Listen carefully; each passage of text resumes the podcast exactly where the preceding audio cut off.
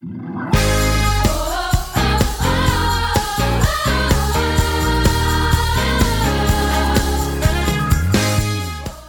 to the City Church International podcast. Each week we launch new teachings and preachings from our Sunday service. We hope it will encourage you in your relationship with Jesus and empower you in your everyday life.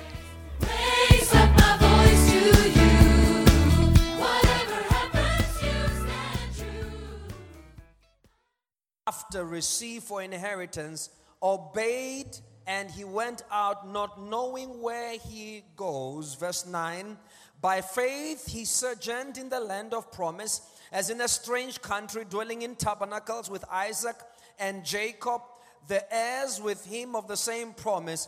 For he looked for a city with a foundation whose builder and maker is God. Everybody say, looking for a city whose foundation and builder and maker is God. By faith, Abraham, don't take me down, sound man, pick me up. Monitors. I can hear when the sound goes down. By faith, Abraham, he went out into a place. The Bible says, by faith, Abraham obeyed when he was called to go out. I want to open by saying the first statement faith is obedience. Amen. This is my definition. I know Hebrews 11 says faith is a substance. Faith is obedience. By faith, Abraham obeyed when he was called to go out to the place which he would receive an inheritance. By faith, Abraham obeyed. By faith, Abraham obeyed. By faith, he obeyed. He obeyed. So faith is obedience. Say, faith, faith. is obedience. Anything else is wishful thinking. If you say, I have faith to do great things for God, and you are doing nothing, that is showing that you are busy with the great things for God, you don't have faith. You have a desire. God spoke to Abraham and said to Abraham, Come out of your country, come out of your home, come out of your father's house to a place where I will show you to go. And the Bible says Abraham believed and by faith he, he stepped out. So faith is not just hoping, faith is not just wishing, faith is not just desiring. We can't have faith to take Stockholm for Jesus and we are seated in church. That's not faith. That is wishing, that is desiring. We wish one day we could see Stockholm change. We can't have faith and we are sitting. We don't, we are not going to change Europe when we are seated in our churches hoping something is going to happen. When God spoke to Abraham and said, Come out of your people, he actually physically made plans to relocate. So when God speaks to you, you do not say, Well, Father, I'm going to take 40 days and fast. That's not faith, that's prayer. It's not faith yet. It's not faith yet. It's prayer. You are still praying. In fact, most of it, you are praying to get the faith. Lord, help my unbelief. Yes, you say you're going to do great. Many of you have had prophecies and wonderful words spoken over your life. You will be a world shaker, a history maker, a whatever. And you say, Father, I believe. Lord, I believe. I have faith for it. No, you don't have faith for it. You are hoping for it. Faith means now I've got my suitcase packed. Now I've bought the ticket. Now I'm on my way. And they ask you, Where are you going? You say, I have no idea, but I have faith. I have faith. I don't know where, but I have what? I have what? I have what? Faith is action. Faith is never passive. Never, never, never passive. Faith is action. Most of us think we have faith. No, we don't have faith. We have hope. Hope is something that's going to happen. And it's good. It's a good place to start. Faith is the substance of the things you. Aha. So you don't have faith, you have hope. Because all you have is just a substance. By faith, Abraham obeyed. Do you have faith? What is your obedience strategy? What are you doing now?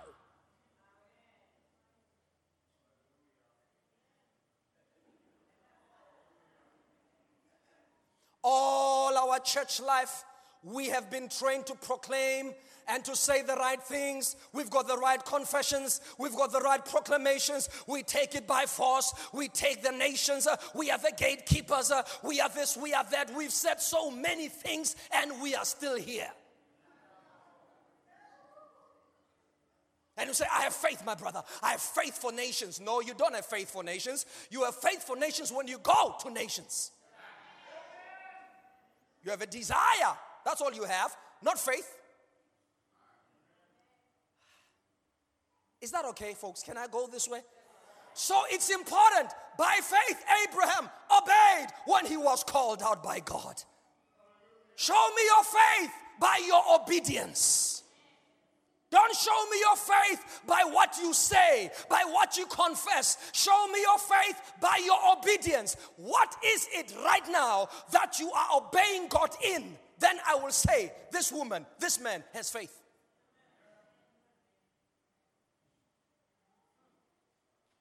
So most of us don't have faith. We have wishes, we have desires, we have hopes. We don't have faith. So don't say you have faith, because faith means action. By faith, he obeyed. What did he use to obey? Faith. By faith, he obeyed. He used faith. He used faith to obey. So obedience is actually faith. Faith manifest is obedience. Faith working is obedience. You can't say you have faith when you're sitting on your blessed assurance, hoping one day God will take you out of your chair and cause you to do something. And there was silence in the house. If we really had faith, we have to have faith. Faith is action. When God says, I give you Stockholm, faith is uh, every day you are walking the streets of Stockholm and you are actively taking it. Every day you actually have a plan, every day. Not sitting praying. Praying is not faith. Praying is believing God to give you the faith, the courage to go. Abraham did not spend 40 days and 40 nights praying. When God says, Get out of your country, he actually packed and left. And God said, He's a father of faith. I've never seen a man like this. That's a man of faith. He was even a heathen, he was not born again. Abraham, when God spoke to him to get out, he was not born again. He was just a heathen unbeliever who heard a voice and believed in the God of heaven by chance. You are a believer. You are a child of God. You have a relationship with God. God speaks to you. You say, Thank you, Father. I believe. I, you don't believe. You hope. Because if we believed, the world would be a different place. If the church operated in faith, the world would be a different place because every day we would see missionaries going, would see come, some coming, some going, some landing, some planting, would see things happening because we have faith. Faith happens as you go. Okay, didn't hear that. What that means, I should. I spoke in Venex, sorry. Psalms chapter 2, verse 8. We have been trained to have faith for cars faith for, for houses. Come on, internationals. Come on, internationals. Come on now. Help me. Help me preach. Help me. Faith for a better life. Better life for all. The American dream, or the European dream, or the Swedish dream. I'm not sure which dream it is. Come on. That's not it. Your faith must be Psalms chapter 2, verse 8. Put it up.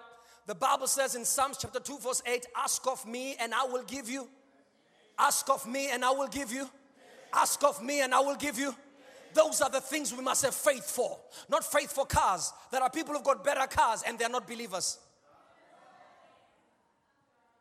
There are people who've got better houses and they don't even know God. In fact, their houses and cars make them to have pride and to think there is no God because I already have things in the natural, so why do I need to pray for things? We have faith for taking nations. God wants you to ask Him for. God is so big. Please don't ask for such a small thing. How dare you lower God's standard and you diminish Him to a to a small little what your bank can do, what your salary can do. Please give God something bigger. God is too big.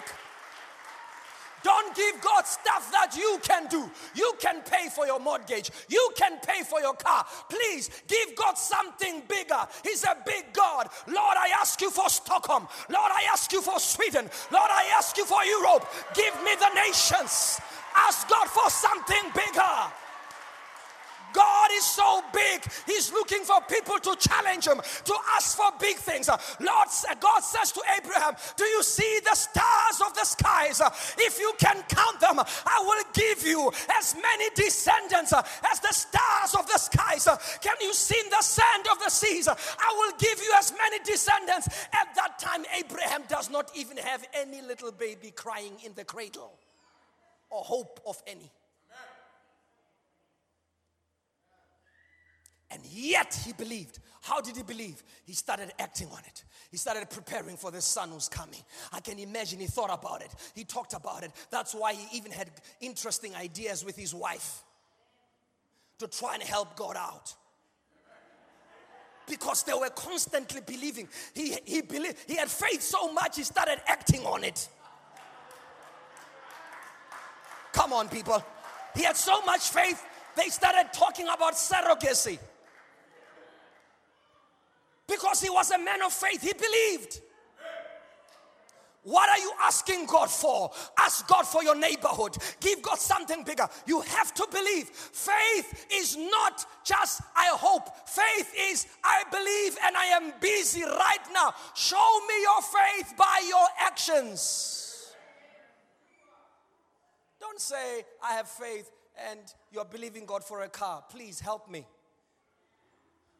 Just go get a job, you'll get a car. You don't need faith for that. They're just things you must just do. That, that's all. You just those are just principles of life. Hello? Yes, because uh, this is important because if you don't understand that there are things that operate based on principles of life, what's going to happen is you're going to make getting a car such a big deal and you meet an atheist, you say, God blessed me with a car. He says, Really? You needed God to bless you. There are people who will never be moved by some of your testimonies. Getting a job and buying a house is normal. It does not need divine intervention, it needs common sense. And God expects you to apply common sense. Hello. God expects you to apply what? Common sense. You go to school, you study, you get skilled. You take your skill, you use it, and people pay for your skill. And then you get money. Then you can afford to buy a car. Nothing supernatural there. It's a simple step of progression of life. Do you understand that? Yes. You want to make money? Have a business. Make money then you have the money, then you buy the property. It does not need any supernatural something, it just needs common application of basic human development principles, progression of life. So, what do you need faith for? You need faith for kingdom advancement. Because that one, there's an enemy waiting to resist. Hello?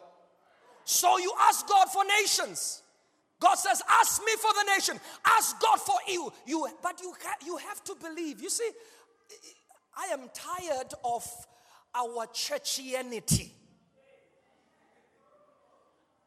Because we sit here, we say the right words, Pastor Bezude.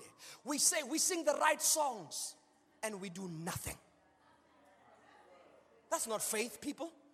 We say the right words, we do the right songs, we say the right sermons, and we do nothing. And we come next week again. Guess what we do? the same songs and the same confessions. And we still go out and do nothing. And we go back again. That's what you call religion. Religion. Religion. That's what you call religion. It's a dummy. A dummy. Any babies here? Any babies? Mommies with babies? Anybody show me a dummy? Aha! There's a dummy. The baby has a dummy.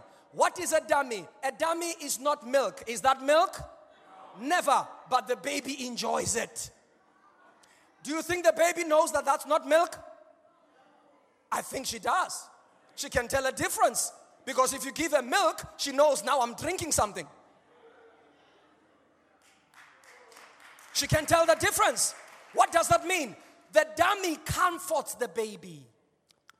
It's a comfort thing. He just needs something that is here to comfort. Religion is a temporary comfort that keeps us coming for more, and yet we know we're getting nothing. Like a dummy, like a dummy, like a dummy.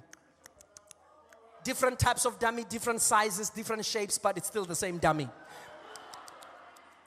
Different names on the dummy. Some are red, some are blue, some are green. Some are called City Church, some are called Hillsong, some are called Assemblies of God. But it's the same dummy, it's the same dummy. Same dummy, different name, same dummy. I come and I suck it, suck it, suck it. Suck. I know there's no milk there. There's never milk. If I want milk, I'll go get milk because I know how to get milk. Can I rock the boat? Is it okay if I rock the boat? So we need to ask God to help us to have faith for greater things, and I will give you the ends of the earth. Ooh, the ends of the earth. I will give you the ends of the earth. God is looking for you to ask for something bigger than you and your husband and your children. Me and my wife, us three, and no other. Some of our prayers are like that. Do you know how many prayers we spend on ourselves? If you take an average believer and listen to the amount of percentage he uses to pray for himself and his family, you'll find that out of a hundred percent, 70% is about us. But when you pray, say, Our Father who art in heaven, hallowed be your name. Your kingdom come, your will be done on earth as it is in heaven. You are not there yet. All those five statements are nothing to do with you. If you thought you are that important, guess what? In terms of prayer, you are not so important because this is the prayer of Jesus. When you pray, say, Our Father who art in heaven, hallowed be thy name, thy kingdom come, thy will be done on earth as it is in heaven. Phase number one what you pray for first is to acknowledge God as your Father before you start with your needs. Oh, not in our generation. When we pray in our generation, give us this day our daily, our Father, give us this day our daily bread and forgive us. We don't even ask for forgiveness. Give us the, that's our first prayer. Give us this day. No, when you pray, our order of prayer is wrong. We start with ourselves. We're supposed to start with our Father who art in heaven. Hallowed be thy name. Thy kingdom, thy will be. Where? Where? Yes, in my house, in my family, in my home. That's what you must pray for first. In my house, let your kingdom come. Let your will be done. In my family, in my finances, let your kingdom come. Let your will be done. Before you say, Give us this day. How many of you know what's in the heart of God? Do you know that God has got prayer requests? God has got needs. Some of you did not think God has a need. For God so loved the world that he gave, so that whoever believes in him, he has a need for people to believe in him. That's a need. God cannot worship himself, God has a need. He wants people to worship him. So, before you start with your priority list of needs, do you know what God's needs are? The Bible says he, he wills that all men be saved. God has a need. God has a dream. God is ambitious. He says he wants all men to be saved. Huh? God, are you sure? Hello? Do you know that scripture in the Bible? Yes, in First Timothy, it says, God who desires all men, all men, all men to be. God is ambitious. God says, I want all men. So we say, Oh, Father, according to our Calvinistic doctrine, sorry, Paul, according to our Calvinistic doctrine, not all men can be saved. God says, I want all men saved. God has an ambitious desire. It's in the Bible. God wills that all men be saved. Well, Lord, maybe out of 10 you'll get seven. God says, I want all men. You know why God is like that? Because He created all men. When you are a creator of something, you don't want to see anything perishing. So, do not use your unbelief to limit the desire of God. God wants the whole of Stockholm to be saved. Well, Lord, chances are, you know, statistics have proved that um, it's not very possible for everybody really to be saved. Maybe you, God says, yeah, that's your problem. You don't believe. You don't have faith that Stockholm can be changed. The Bible says in the book of Acts, and the whole of Asia, Acts 19, and the whole of Asia heard the word of the Lord. The whole of Asia. Paul preached only two and a half years in the school of Tyrannus, and the whole of Asia heard the word of the Lord. Is it possible for the whole of Stockholm to hear the word of the Lord? Is it possible for the whole of Europe to hear the word of the Lord? But we have to have faith. What is faith? Faith is obedience. What are you busy obeying God on right now?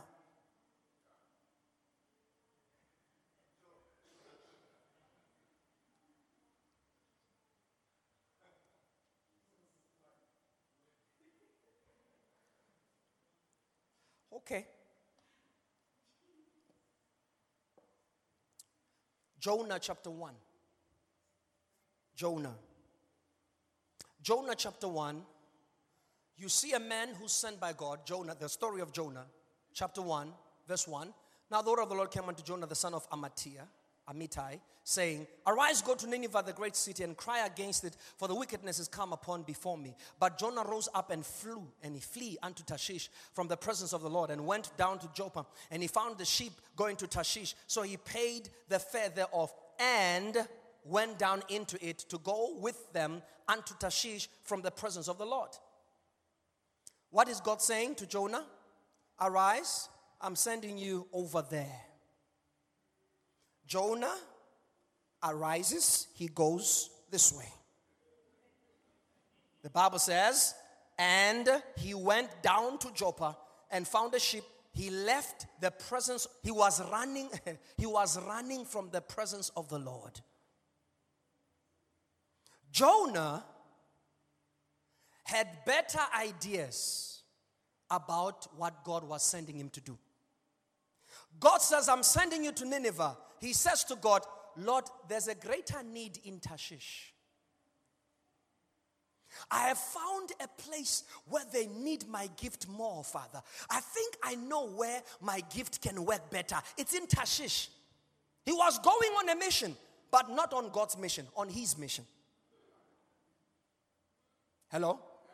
So, Jonah, what do we see? Lack of faith brings disobedience. Because he lacked faith, he disobeyed God. He went there, he was operating in lack of faith, meaning he was operating in disobedience. Now, this is where disobedience gets you. The Bible says, and as he was sleeping in disobedience, everything when is out of alignment, God brought a whirlwind. He brought a wind in verse number five when you continue. And God brought a wind.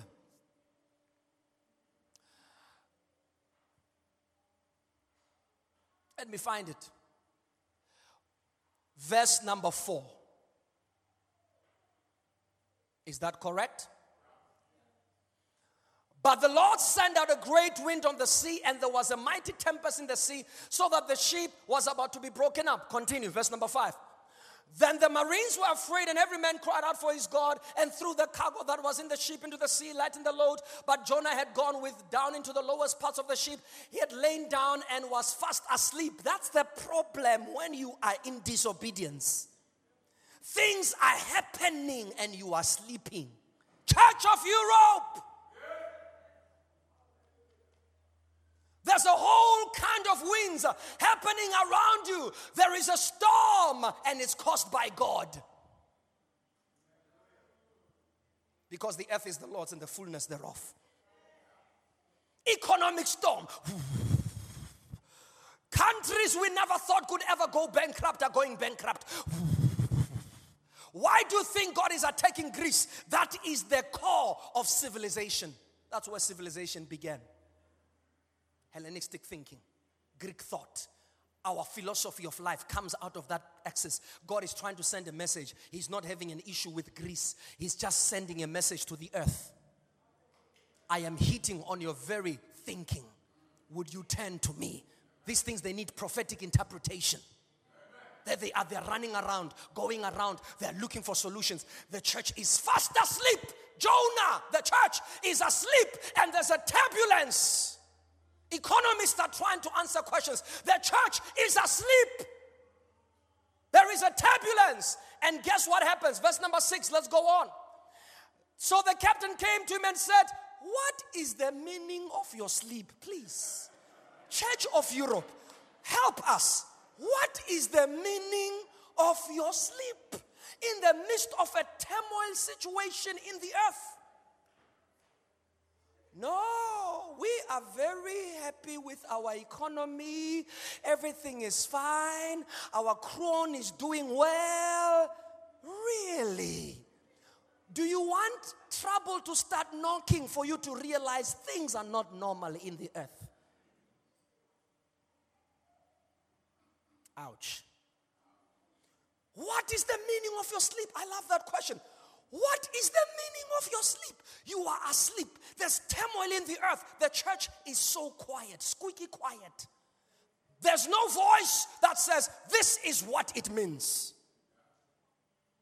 What is the meaning of the exodus of Africans out of Syria into Europe? What is the meaning? We have never seen such a thing in the FBI. I've never seen refugees who tell you what they want.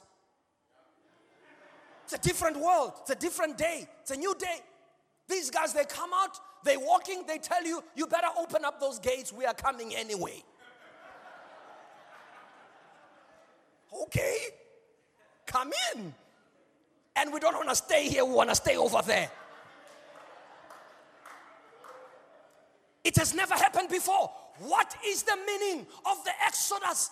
There is a prophetic meaning, and the church is holding the answers, but the church is quiet. I have a suspicion. I think God is busy preparing a revival somewhere in His mind. He wants to see the nations of Europe getting saved and seeking God's face. I think God is planning something. If you heard Pastor Pele, what he was saying, he said, Thank God for all the nations that are coming in. Now we can pray with fire.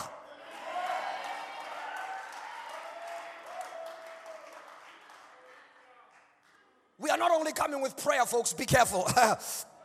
we are also coming with idols, some of us. You will have to be able to know how to be discreet. That's why the righteous must arise. What is the meaning of your sleep? What is the meaning of your sleep? Oh, there is no crime in Sweden. Small crime. Really? Huh? I'm not wishing bad things for you people. I love you. But what is the meaning of your sleep is going to cost you. Please, Church of Sweden, do not sleep. There's something that's happening. There is a global change. The world is becoming a global village. Your neighbor literally could be somebody who was never born here. Your whole street could be different, could be 12 13, 14, 15 nations. doing 15, 16, 18 different ways of celebrating everything. Hello. Why is the church asleep? What is the meaning of your sleep? Arise and call on your God. Perhaps God will answer us so that we may not perish. Verse number seven. And they said to one another, Come, let us cast lots that we may know for what causes this trouble. So they casted lots, and the lots fell on Jonah. Guess what the world is doing? The world is casting lots. They're trying to find the solution. Guess what the lot is going to show? Bang, the church. Bang, the church. Bang, the church. The church is about to be discovered that you are the reason why we are going through trouble. And why are you sleeping? The church the world is about, they are, they are busy researching. They're busy looking. And guess what? The church will, they're going to end up in the place, hear the word of the Lord. They're going to end up in the place called the church. You are to blame. Why are you sleeping? Verse number eight. Then they said to him, Please tell us for whose cause is this trouble upon us? What is your occupation? Who are you, church? Please describe yourself, explain who you are, and where do you come from? Tell us about your origins. What is your country? Please tell us where you come from. And of what people are you? Who are you? What's going on? These people, then the nations will know the church is a royal priesthood, a holy nation. We are a, what nation are you? We thought you were just an order. The church is a holy nation, a royal priesthood. We are a different people, and the Lord is about to be casted and revealed that we are the ones. Our silence is costing the world trouble. Verse 9. So he said to them, I'm a Hebrew, I fear the Lord, the God of heaven who made the seas and the dry land. They said, That's the trouble. This is your God, is the one who's causing the seas to stir up. Verse number 10. Then the men were exceedingly afraid and said to him, Why have you done this thing? For the men knew that he fled from the presence of the Lord because he had told them so. The church is busy doing everything else but what God said.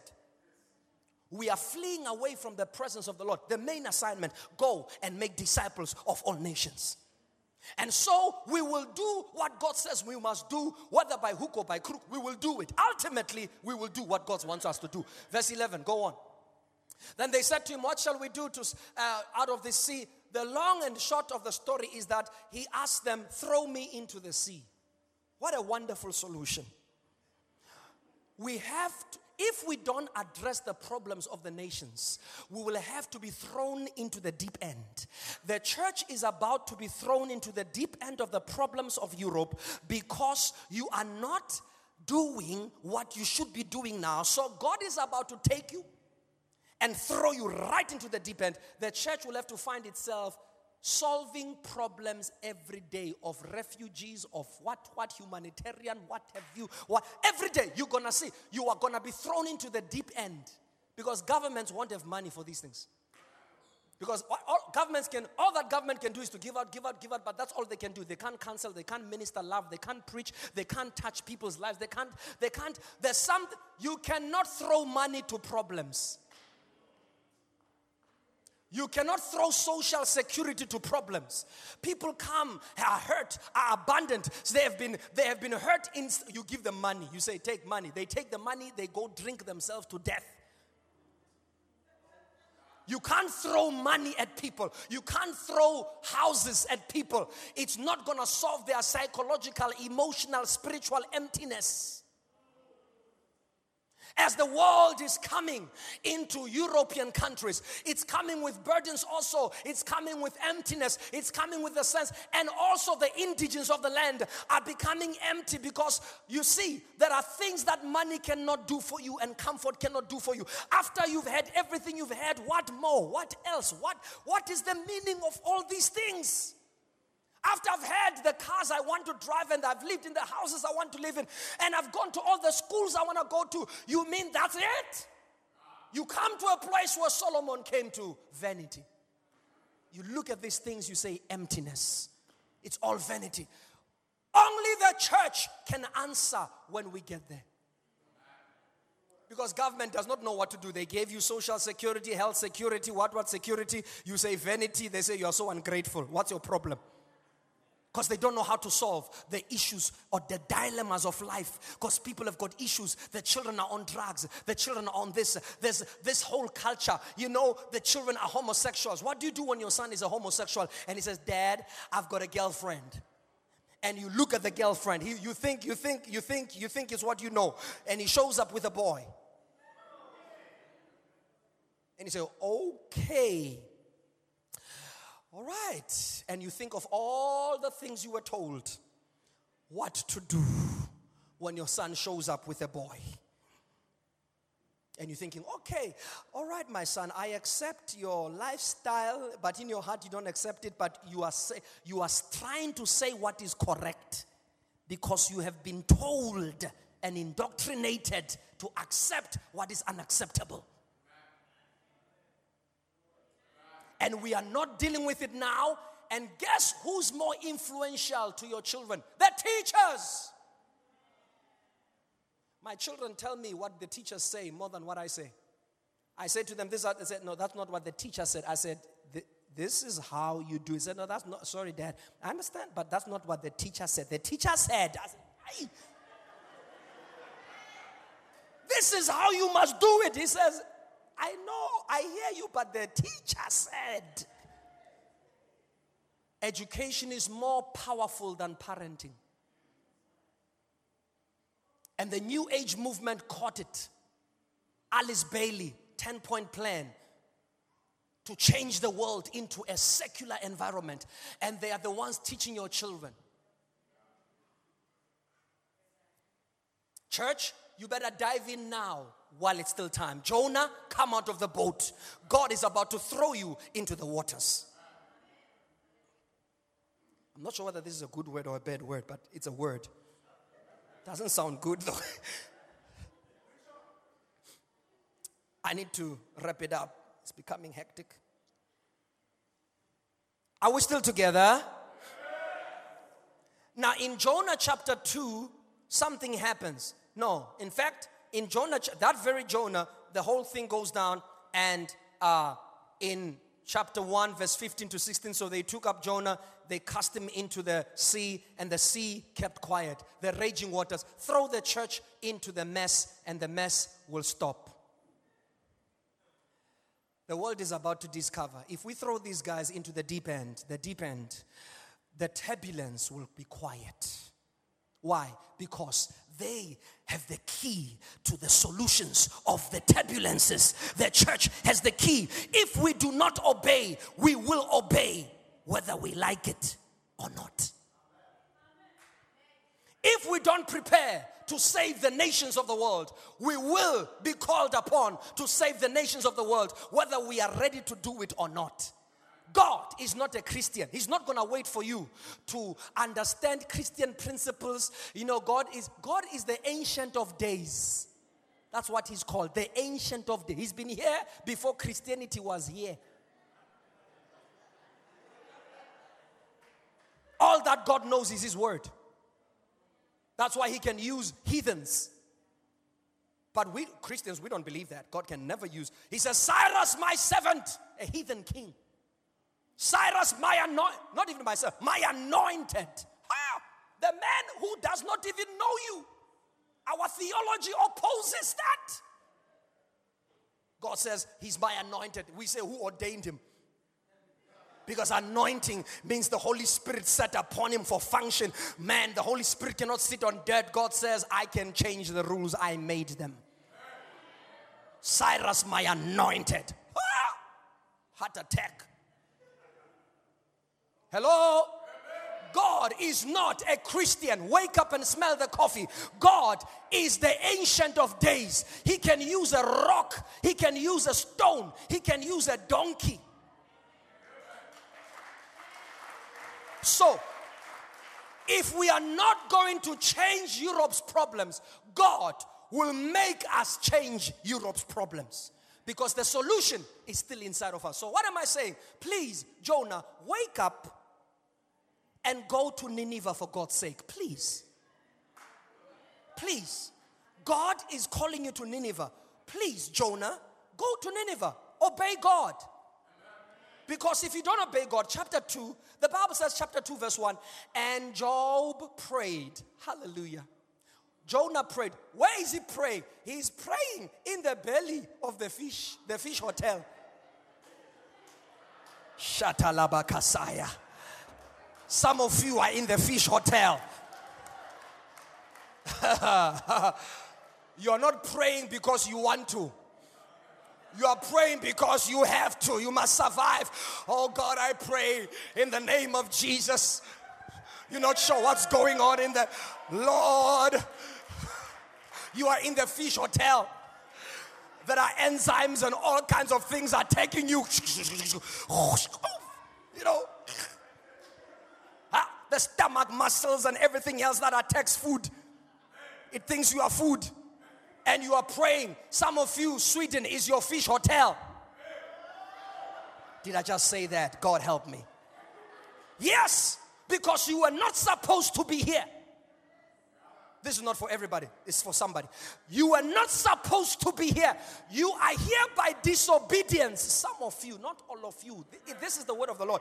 Some of you, you were not supposed to be here. There is a place where God told you to go. But Sweden looked like a wonderful Tarshish. And everything you touch does not work. The turbulence. Thus saith the Lord, pack and go. Because the Bible says, and Jonah prayed. I mean, the whole chapter 2, Jonah turns into an intercessor. The whole, I mean, the guy's praying the whole chapter. He's praying, Rabakataya Messiah.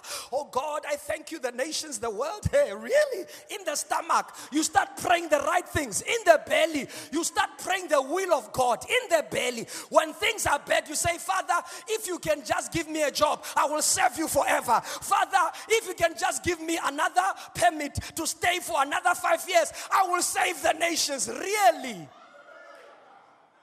I don't want to say how many are praying that prayer because, you know, I know, I know, I know. God, if, you, and we promise God heaven and earth in our disobedience. And God says, That's fine. I've noted all of your prayer. Amen.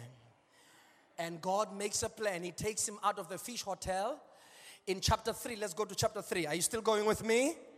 We are talking about faith. Faith, faith, faith. Lack of faith takes you into a detour. And so, in chapter 3, verse 1 to 6, the Bible says from verse 1 And where the Lord came unto Jonah for the second time. And God spoke again. And God, hey, God is good. He's merciful. He will speak again. I say, God will speak again. I say, God will speak again. He's a merciful God. He speaks again. Because if God gets silent on you, you don't want that. You don't want the heaven to become bronze over your head. You are praying, you are praying, your prayers are bouncing, are bouncing. You're thinking, God, what happened? When God speaks again, say, God, God speak again. Hey, and God speaks for the second time. And he tells him, Arise, go to Nineveh. I mean, this word sounds like the same word in chapter one. Same thing. Arise. It's like, you know, God, I love God. He says, He doesn't say, As I told you before. No. It's a new chapter. He, he says, we are starting from the beginning. Arise, go to Nineveh, that great city. That what? That what? God is sending us to great cities. God is not afraid of great cities powerful cities, mighty cities, cities that are full of culture, power, and ideologies and philosophies of men. He says, Yes, I love those cities. Go to those cities. God is not sending us to villages, He's sending us to mighty great cities. Go to that mighty great city and preach the message that I tell you. Don't preach your things. Don't get there and tell them about prosperity and, you know, tell, uh, no, preach what I tell you. Preach what I tell you. Verse number two. Verse 3. So Jonah rose and went to Nineveh according to the word of the Lord. Now Nineveh was an exceedingly great city and three day journey in extent. Verse 4. And Jonah began to enter in the city, and the first day walked. Then he cried, he cried out, Yet 40 days, and Nineveh shall shut down. Hey, what a word. I can imagine. Here you are. God has sent you. He says, Preach. You say, In 40 days, Sweden will be overthrown. Do you think people will like you? Do you think the government will smile with you? One, they'll think you are crazy. Two, they will attend to you with psychiatric help. Three, they will put you in a psychiatric hospital. Four, they will inject you with antidepressants. you will preach in that hospital there for lunatics, people like yourself.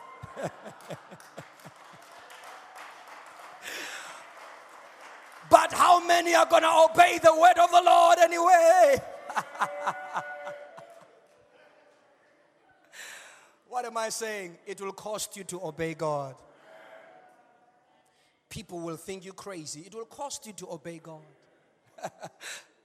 but Pele said something powerful. He said, It's not before people, it's before the Lord. If I am pleasing God, that's all that matters. And so he preached this word. Look at the response. He was shocked. Verse number five. So the people of Nineveh believed. Ah, the people of Nineveh did what? Believed God. And they proclaimed a fast and put sackcloth from the greatest to the least. Verse number six. Then the word came to the king of Nineveh, and he rose up. I can see the queen of Sweden and the king rising up and saying, From now on, everybody goes on ashes and sackcloth. Verse number seven. And he caused it to be proclaimed to the whole of Nineveh, the kings and the nobles, saying, let not even your animals, poor animals, your animals must not even eat food or drink. Everybody on a fast. Shoo. What a word. You see, when you are sent by God, when you are sent by God, unless you've sent yourself, but when you are sent by God and God gave you a word to speak, He will turn the heart of the king to your favor. Please time me. He will turn the heart of the king to your favor. Are you hearing me? He was sent by God, he spoke the word of the Lord, and the long and short of it, as we go towards the end of that chapter, the long and short of it in verse number 10 and God saw their works, that they turned from the evil way, and God repented of the evil that He had said He would do unto them. God actually saved Europe. Do you believe? Do you believe? Do you believe? Do you believe? If all of us can obey the voice of the Lord and go where God says we must go and do what God says we must do and have faith, we must actually, literally have faith. We must actually have what? We must actually have what? I guess that means my time is up, isn't it? Yeah. Okay. Now, let me give you the last scripture and we close. Luke 18, verse 1 to 9. Luke 18, verse 1 to 9. And he spake a parable unto them to the end that men ought always to pray, not to faint. Verse number 8 of that Luke 18. I tell you that he will avenge them speedily. Nevertheless, when the Son of Man come, will he find faith on earth? When the Son of Man come, will he find how does that have to do with verse 1? Men ought always to pray, not to fail. Nevertheless, when the Son of Man comes, will he find faith on earth? How does prayer and faith connect? They connect this way. We will never pray unless we have faith for things that God told us about. When God has spoken, you will not be able to relax. You will pray day and night day because what he says is not optional. When God says go to Nineveh, he's not suggesting, he's telling you. Please, can I give you an advice? Do not allow drama. Do not allow the drama of Jonah chapter 1 must not happen for Jonah chapter 3 to happen. Save yourself from the drama. Save yourself from that. Don't allow drama. Some people want to have a drama. You know, this happened, that happened, and then I lost a leg, and then I lost an eye, and I knew God wanted me. Hey, just obey God. Father, we are thankful. We are thankful that when you speak, we can hear you. We are thankful that we can obey you. Help us to know that faith is obedience. Wake us up as the Church of Europe while it's still time. I ask it in the name of Jesus. And God's people say, Amen.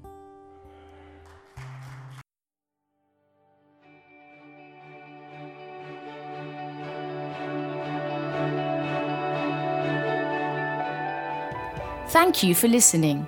If you're in the Stockholm area, feel free to join us at our international services every Sunday at 2 pm at Adolf Fredriks Kyrkogata 10. If you'd like to know more about Jesus or for any other information, please do visit us at ccistockholm.se.